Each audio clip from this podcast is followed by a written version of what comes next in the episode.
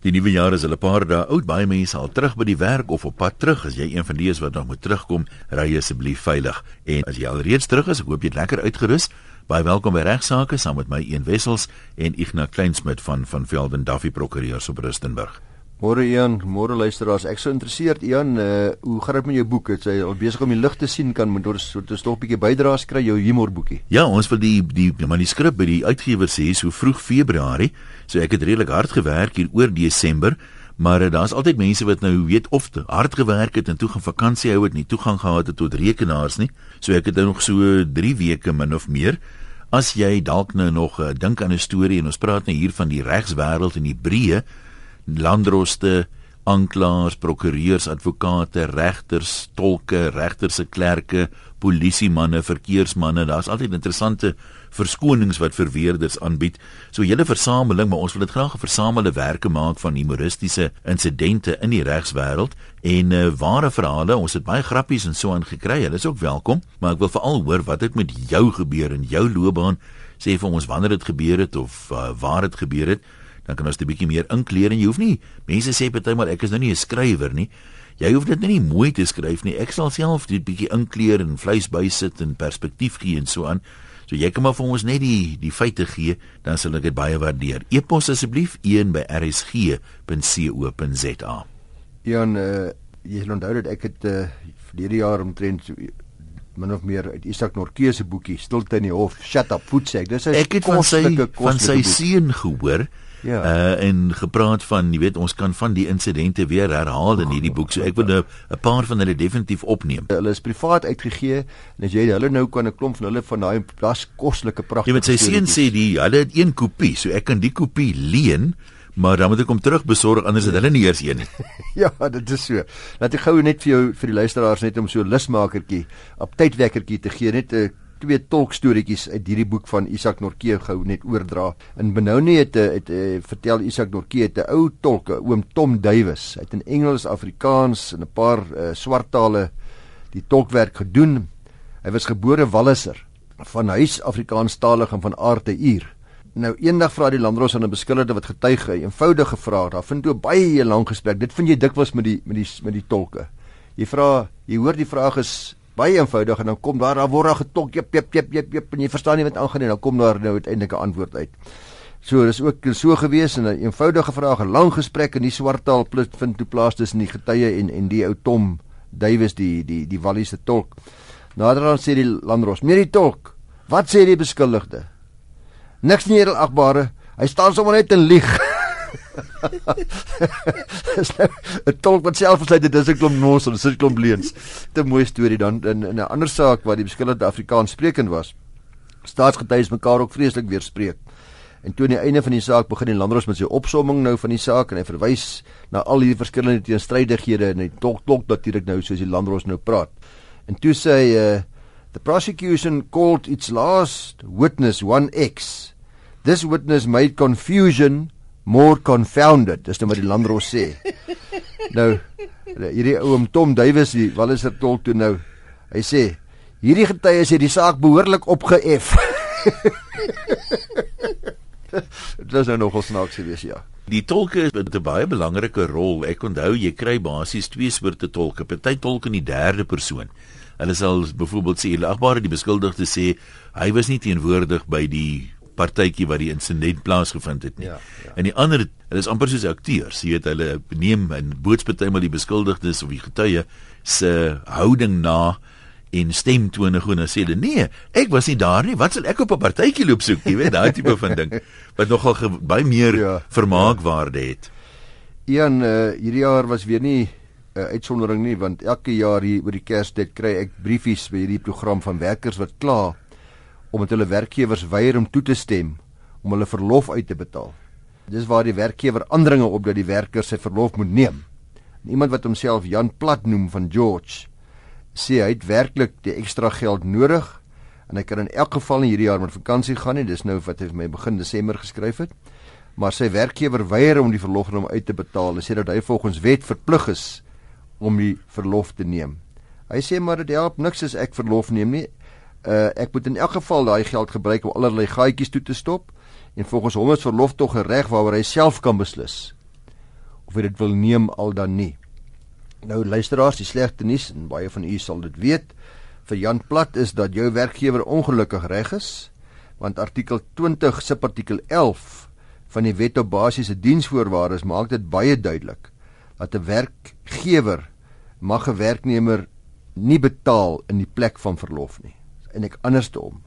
In ander woorde, dit kan slegs gebeur by die beëindiging van jou diens waar jy geld kan kry in plaas van jou verlof want slegs dan is die werkgewer verplig om jou uitstaande verlofdae aan jou te betaal. Jou werkgewer se bedryfsvereistes, wat duidelik in as ek nou Jan se brief lees, dan is dit so. Sy werkgewer het sekere werk wat gedoen moet word oor die kers uh, wat wat hy nie wil uh, hy werk nie oor die kerstydperk nie. Hmm. Dit is sluitingstyd vir hulle. Uh, jou werkgewer se bedryfsvereistes sal altyd baie belangrik wees. En die meeste dienskontrakte sal dan ook 'n bepaling hê dat geen dae of slegs 'n paar dae verlof mag oorstaan na 'n volgende siklus by gebreke waarvan dit verloor sou word. So ek kan vir jou sê, hoorie meneer, as jy nie 'n verlof vat vir 31 Desember nie, dan is ek jammer, dan gaan jy dit verloor. Uh dan gaan jy nie betaal word. Dit kan dit kan is 'n billike diensvoorwaarde wat daar geneem kan word. Sommige kan sê daar word 7 dae oorgedra, maar dan natuurlik wanneer jy verlof vra, moet jy dit kry. Jou werkgewer kan nie sê jammer, jy mag nie verlof neem nie, want ek het jou te nodig nie, want dan sal jou moet uitbetaal. Ek het al gehoor dat uh, sommige werkgewers uh, aan 'n lopende periode van 14 dae verlof verpligtend maak, ook omdat hulle sê dit bied hulle die geleentheid, jy het nou 'n sekere posisie, baie mense wil nie met verlof gaan nie, maar dan as hy terwyl hy met verlof is en iemand neem waar, dan kom hulle agter maar alles is nie pluis nie. Ja, korrek. Jy, jy weet daar's daar was kom ons sê net maar bedrog om 'n ding op sy naam te noem met fakture of wat ook al. Baie keer wil hy ou nie op vakansie gaan nie want dan dan dan hy's bang iemand vind uit, jy weet. Ja. So hy wil totale beheer hê oor die boeke en die fakture en die goed werkgewers doen dit omdat baie van die onbehoorlikhede kom juis na vore as die ou nie by die werk is nie. As jy iemand, maar wat gaan hier aan, jy weet? Ja, dis baie waar dit gebeur beslis so en dan wat ook natuurlik baie gebeur en veral by professionele kantore, maar baie ander uh besighede ook, is dat dit dikwels baie stil is oor Desember, byvoorbeeld. En dat hulle dan toesluit, dan ja. sluit. Met ander woorde, ek sluit van die 16de Desember tot die 6de Januarie. En dan verplig ek al my werk werknemers om oor daardie tyd verpligte verlof te neem vir al daardie vakansie dae. Want ons het by hierdie program al meer as inskrywe gekry wat daaroor kla en dan moet ek elke keer vir hulle sê die bedryfsvereistes en jou dienskontrak wat aangegaan is met jou is ongelukkig afdwingbaar. Soos in daardie gevalle as jy vooraf weet jou jou jou werkgewer sluit en hy het vir jou gesê dis daai tyd ek was toe dan as jy ongelukkig want nou sê jy ja, maar my man se verlof is op 'n ander tyd. My man werk by die myn en hy kan net daai tyd verlof neem of net daai tyd verlof neem sê ek dis ongelukkig jammer. Dit is maar een van daardie dinge. Wat van die die teenoorgestelde? Jy kry baie keer dat mense in die binneland almal gaan weg, die dorpe is stil, jy weet, so 'n plek maak toe. Maar aan die kus is dit baie keer die teenoorgestelde. Daar's 'n toeloop van vakansiegangers, so baie keer winkels wat ek al ja, gesien het, maak 6:00 ja. die oggend oop om voorsiening te maak daarvoor, bly later oop. Kan 'n werkgewer as sy bedryfsvereistes so is, byvoorbeeld sê jy mag nie verlof neem tussen 16 Desember en 16 Januarie? Ja, geen twyfel nie. Werkgewers kan veral wat die dienskontrak betref dit duidelik uitspel dat sekere tye is jy verplig om te werk. Natuurlik binne die raamwerk van die wette basiese diensvoorwaardes wat maksimum ure per dag en per week betref en per maand betref maar bedryfsvereistes van werkgewers is uiters belangrik want dit is wat ons ekonomie maar ook aan die gang hou om seker te maak dat besighede kan kan wins maak. En dan is die werknemer se regte ondergeskik en natuurlik ook is hy gebonde aan sy dienskontrak Goed, ons kan nog 'n kortetjie inpas in die helfte as jy een naby het. Ja, kom ons kyk na die hele kwessie van die frustrasies met die feit dat my salaris elke maand laat is. Terwyl ons nou oor die arbeidsregte op besig is, meneer Daniel Jonas skryf met daai Franshoekse wêreld uit. Hy het baie frustrasies met hierdie met hierdie spesifieke situasie. Hy sê sy werkgewer het elke maand 'n nuwe storie en hy het nou onlangs gesê dat as hy weer klaar gaan hy hom afdank. Want hy hy sê dan kom sy salaris die 3de en dan is dit die 13de en dan is dit partykeer die 18de van die maand. Uh sy werkgewer sê hy kan net bly wees hy te werk. Hmm. Hy moet sy salaris vat soos soos wanneer die werkgewer dit kan bekostig om te betaal. Nou dis 'n moeilike een hierdie luisteraars van die wette basiese diensvoorwaardes. In artikel 32 se artikel 3 maak dit baie duidelik dat 'n werkgewer salaris moet betaal binne 7 dae na voltooiing van die tydperk waarvoor jy as werkgewer vergoed word of binne 7 dae nadat jou dienskontrak beëindig is. As jy byvoorbeeld die laaste dag van elke maand betaal moet word, dan sê die wet die werkgewer moet dit net 7 dae tyd daar van daar af en jy dan vir die sewende dag van die volgende maand betaal uh, van die daarop volgende maand as jy egter later is dit betaal kom ons sê byvoorbeeld op die 15de want dis wat die brief sê, party maande is dit 2 of 3 weke selfs, een is die 18de ook. Dan moet tree hy hierdie wet. En is daar geen twyfel dat jy die saak neem na die departement van arbeid toe nie, die CCMA nie. En ek verstaan die vrees van van meneer van Daniel, Daniel Daniel Jonas dat hy bang is dat hy sy werk gaan verloor. En natuurlik is dit moeilik om te keer dat 'n mens nie op 'n stadium deur jou werkgewer ook geviktimiseer word. Uh as jy gedurig kla nie. Dis wat sy werkgewer vir hom sê, "Jong, jy gaan jou sommer laat gaan." Dit is egter wel so dat jou werkgewer beslis nie geregtig is om jou te ontslaan omdat jy kla as hy die wetgewing ignoreer of nie nakom nie. Ek stel dus voor uh, dat hierdie luisteraar hom wys op die bepalinge van die wet Indien dan as gevolg daarvan jou ontslaan is daar geen twyfel meer dat dit onbillike ontslag sal wees nie, want ontslag moet altyd substansieel en prosedureel regverdig wees. Daar moet altyd 'n goeie rede wees vir enige werkgewer om om die dienste van 'n werkgewer te beëindig en dan moet ook behoorlike dissiplinêre prosesse gevolg word. Maar die beste advies wat ek jou kan gee is om 'n vriendelike gesprek met hom te gaan voer. Moet jy nie self daarvoor kan sien nie as jy dit in middel van 'n unie verteenwoordiger doen of andersins deur middel van 'n regsverteenwoordiger. Nou, dis wat ek nou gaan sê is eintlik moeilik, maar jy het te werk dis 'n frustrasie dat jy jou salaris dalk nie altyd gereeld kry nie. Ek verstaan die behoefte om jou salaris betyds te kry. So jou werkgewer is duidelik hieroor. Dit moet willig is nie. Verseker nie. Dis net dat hy moet wag tot hy genoeg geld het. Nou as die deure van die werkgewer gaan toemaak, dan gaan iets sonder werk wees. Uh, as daar by werkgewer te veel druk kom van werknemers af, dikwels as ek in hierdie werknemer se posisie was, sou ek liewer 'n vriendskaplike gesprek, 'n netjiese gesprek met al die werkers gehad het. Hoorie julle, dis die probleem. Ek is nie moeilik nie, maar kom ons werk saam. Kom ons probeer die produksie opspoor. Kom ons doen dit of kom ons doen dat sodat ek in staat kan wees om julle almal te betaal. Kom ons hou die skip op die water. Uh, kom ons werk saam. Maar nou ja, so goeie vriendelike gesprekke en begrip vir mekaar se situasie wederzijds is dikwels die oplossing, want as jy eers met jou werkgewer begin beklei en vir hom is dalk nou iets groots en ek ek verstaan dit. Dan uh, is dit gewoonlik 'n afdraande pad. Dis nou maar eenmal so. Tyd vlieg ons is al by die tweede deel van vandag se regsaake. Ek nou waaroor gaan ons gesels. Ons het al uh, in hierdie program ons skryf van tyd tot briefies van boere wat met mekaar hakses waar daar spanning is oor drade en hekke en gedikwels is dit die geval van die een boer moet deur hierdie hek ry van sy een plaas na sy ander plaas toe en of hy of hom sekere kamp waar die beeste wy en dan moet hy van hierdie hek gebruik maak wat uh, in 'n stukkie oor sy buurman se grond ry en op 'n goeie dag as daar spanning is tussen die twee boere dan word hy hek net doodeenvoudig gesluit. Dan praat ons van 'n aksie om daardie hek weer te laat oopmaak want reg kan nie in hy hande geneem word nie. Ons praat van die mandement van spolie. Dis die remedie. Ook die die aksie is soos 'n draadtang. nou nou hierdie die mandement van spolie is 'n remedie wat daarop gerig is om 'n persoon se beheer oor eiendom te herstel. Ek het beheer oor die hek gehad, ek kon vrylik deur hom beweeg, nou kan ek nie meer nie. Uh dis waar die eiendom sonder toestemming uh of die reg om dit te gebruik sonder toestemming net vir my ontneem is. Die vraag wat ek vandag gaan beantwoord is of 'n persoon hierdie mandement van spoliek ook as remedie kan gebruik wanneer hy of sy op 'n elektroniese wyse van sy of haar geld ontneem is. Dis interessant, ja. Ja, byvoorbeeld waar jy twee rekeninge by een bank het. Een is nou my chequerekening, een is my spaarrekening. Nou gaan my chequerekening oortrokke en die bank besluit in hulle wysheid dat hulle gaan nou my spaarrekening geld of my beleggingsbedragie gaan hulle nou sommer aanwend want hulle sien hy gaan sukkel om hierdie oortrokke rekeninge af te los. Ek reageer nie op hulle skryfwees nie en ek uh, en dit word en ek en ek gaan dit nie betaal nie. Of ek stuur vir hulle 'n briefie wat sê vlieg. Ek gaan dit eers volgende jaar kan betaal. En natuurlik nou is die vraag of hulle dit nou uit eie beweging kan doen of die mandement van spolie nou van toepassing is. Spoliasie as mens eerstens kyk wat presies spoliasie is, is 'n remedie wat jy kan gebruik wanneer iemand iets van jou ontneem sonder om deur die korrekte regsprosedures te gaan. Dis reg in eie hande neem ten einde daardie eiendom te bekom. 'n interessante naam. Ek meen min mense ken 'n woord so spolie of spoliasie. Ja, ek weet jy wat die oorsprong daarvan is? Dit met Hollands of iets uit? Dit moet seker wees ek gebruik uh, kyk ons het uh, waarskynlik weer die Engelse reg het want ons praat en die en die Romeinse uh, die Hollandse reg en dit gaan maar oor die as ek by die kandidaatprokureur se eksamen is en ek vra vir hulle verduidelik vir my 'n bietjie die monument van spolie dan hulle en hulle is bietjie stom geslaan en sê ek dink aan die woord spoil. Ah, ja. Spoil, ja. spoliasie. Nou of dit iewers uh, betrokke is, weet ek nie regtig nie, want miskien kan ons kan die stam van die van die woord ja. wees, ja.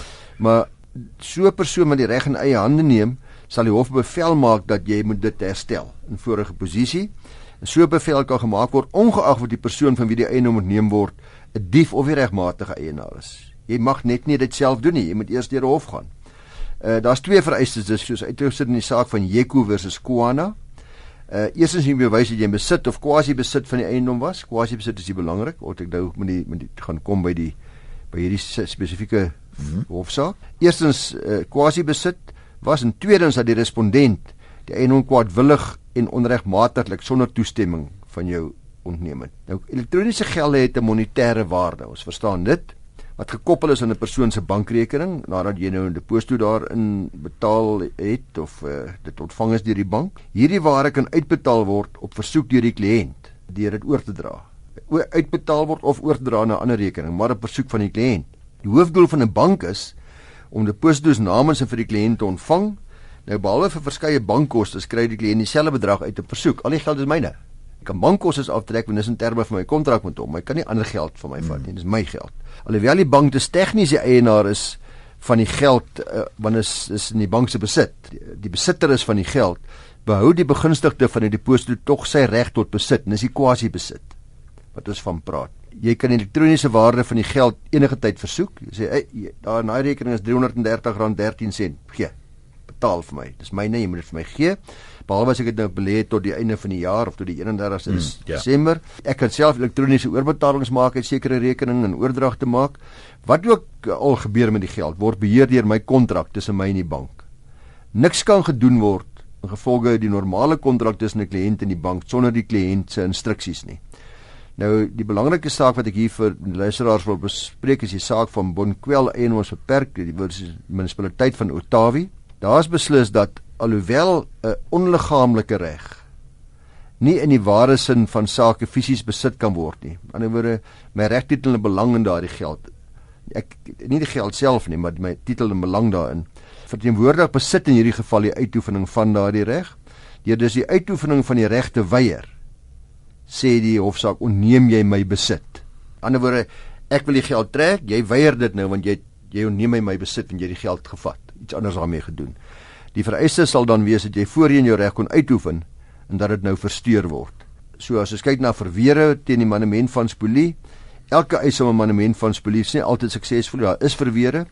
Een van die verweere is byvoorbeeld die onmoontlikheid om die status quo te herstel. Ek kan nie voldoen aan die hof. Ek het klaar hierdie geld gegee vir Pietie. Ek het klaar jou kar wat in my besit was verkoop en is nou ek weet nie waar dit is nie. Die ou kom wegvat en hy's iewers Durban of Kaapstad toe. Ek kan dit nie kan nie die kar vir jou teruggee nie. Mm -hmm. So onmoontlikheid van daai teruggawe van die herstel in vorige posisie is 'n verweer. Ook die onregmatigheid is 'n verweer waar ontneming geskied het hoofde van die gemeenereg sal so eis nie slaag nie. Is byvoorbeeld waar 'n persoon 'n tweede rekening met dieselfde bank open en 'n kontrak teken met die bank magtig om oorbetalings tussen een rekening na die ander te doen. Dan is dit mos nie meer onregmatig nie. Dis 'n verweer. Jy het my gemagtig.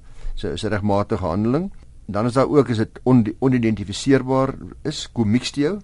Anderswoorde my geld, my R100 in die bank, is nie daar in 'n hoekie in die bank in 'n laaitjie nie.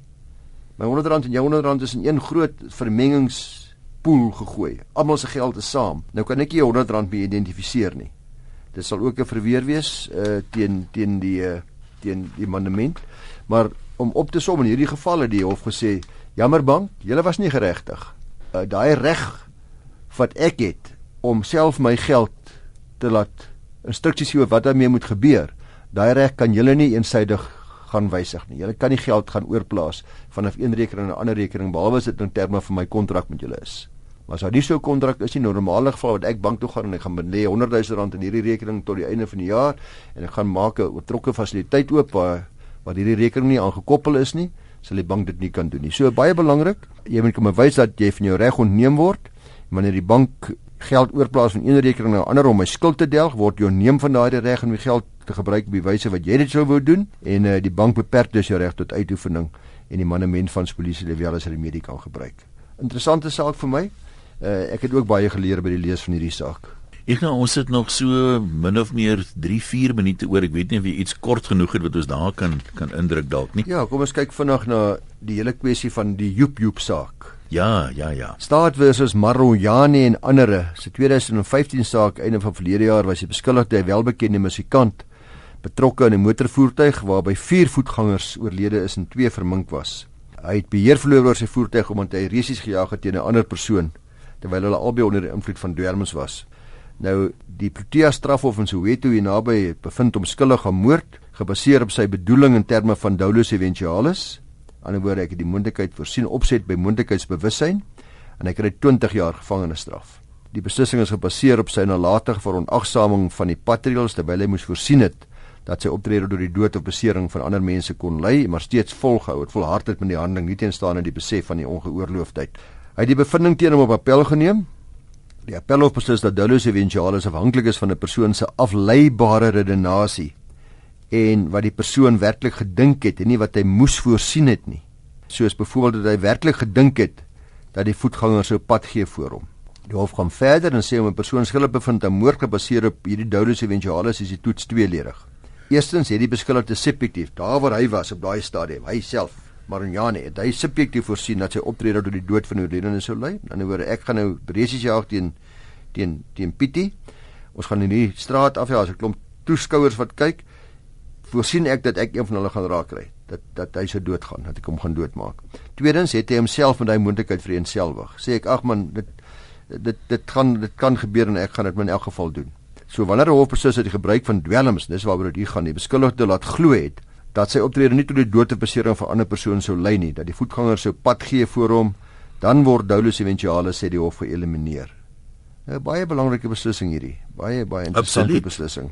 'n Persoon se geestelike samestelling moet as die teenoorgestelde wees van die moontlikheid om iemand se dood of besering te veroorsaak. En die hof sê maar ja nee, dis 'n appelhof hierdie. Sy geestelike samestelling moes dis die teenoorgestelde wees van die veroorsaking van dood of besering aan 'n persoon en eh, die hof sê die die eerste hof moes bevind het dat daar nie dolus en gialis kon wees nie want die moontlikheid dat 'n ongeluk wel kan plaasvind wat sou lei tot die dood en besering sê die hof was nie deur Marunjane deur Joep Joep voorsien nie hierdat hy onder die invloed van delmus was hy het ook dienooreenkomstig opgetree soos 'n persoon wat onder die invloed van delmus was het glad nie voorsien het of gedink het daaraan dat hier dinge kon skeefloop nie uh, die appel op bevestig dat die beskuldigde onder invloed van dwelmsbestuur het wat narkotiese effek op hom gehad het. Dit maak hom skuldig aan oortreding van artikel 65 uh, subartikels van die van die padverkeerswet, nasionale padverkeerswet. En gelukkig vir die man, dit sal laat nie almal se regsgevoel bevredig nie. Of billikheidsgevoel bevredig nie. Is hy 20 jaar tronkstraf tersyde gestel. Die appel is gehandhaaf. Die beskuldige beskuldig uh, bevinding aan moord is vervang met 'n skuldige bevinding aan strafbare manslag en sy vonnis is verminder na 10 jaar tronkstraf waarvan 2 jaar opgeskort is. So effektief 8 jaar. Effektief 8 jaar. Ja, dis drasties minder, né? Nee, ek, ek moet sê die kwessie van dolus eventualis en die onderskeid tussen strafbare manslag en moord was nogal die laaste jaar baie in die howe. Dink ons moet nou eers 'n bietjie gaan klarigheid kry oor 'n paar kwessies. So ons groet hier. Ek nou baie dankie en ons gesels volgende maandag weer. Baie dankie groetnis aan die luisteraars.